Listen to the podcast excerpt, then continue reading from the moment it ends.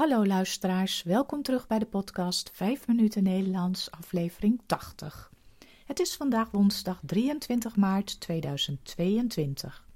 Als je de tekst van de podcast wilt lezen, kijk dan op de website petje.af slash 5 minuten Nederlands. Als je de teksten van eerdere podcast wilt ontvangen of vragen hebt, stuur dan een e-mail naar 5minutennl.gmail.com.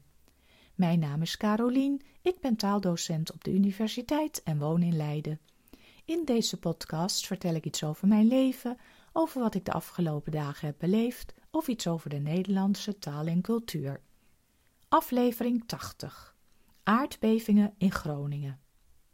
Vorige week vertelde ik over de gratis lunchconcerten in het concertgebouw. En raad eens wat een van de luisteraars mij mailde. Ze is volgende maand in Nederland en heeft meteen kaartjes gereserveerd voor zo'n lunchconcert. Dat vind ik echt zo leuk om te horen. Vandaag heb ik een ander onderwerp. Ongetwijfeld kennen jullie de gebieden in de wereld waar regelmatig aardbevingen plaatsvinden. Japan, Californië, Indonesië en delen van het Middellandse zeegebied zijn een paar van zulke plekken. Hier kunnen aardplaten tegen elkaar aanschuiven, waardoor er een aardbeving ontstaat.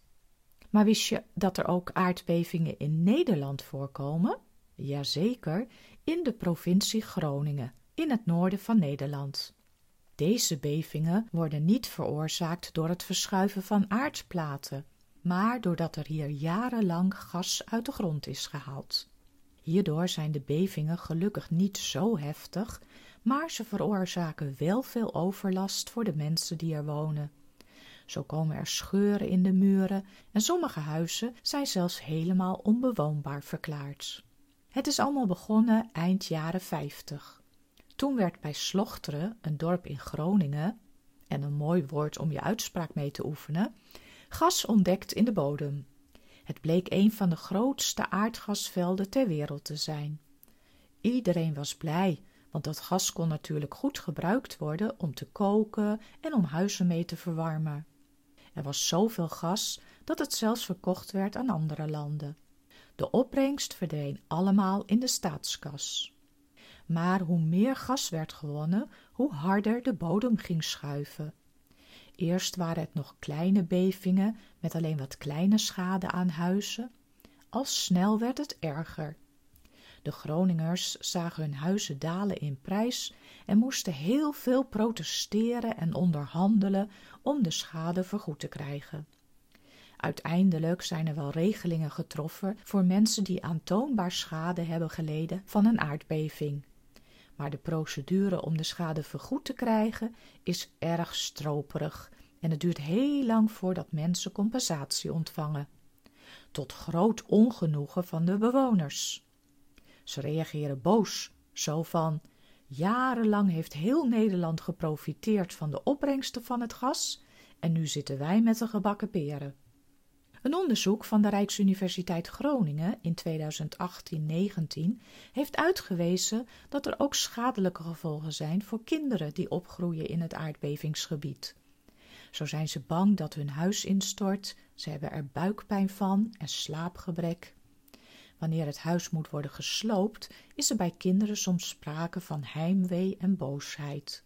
Ze vinden het niet fijn dat ze hun huis uit moeten. Naar aanleiding van dit onderzoek is er een betere voorlichting gekomen voor de kinderen over de gaswinning.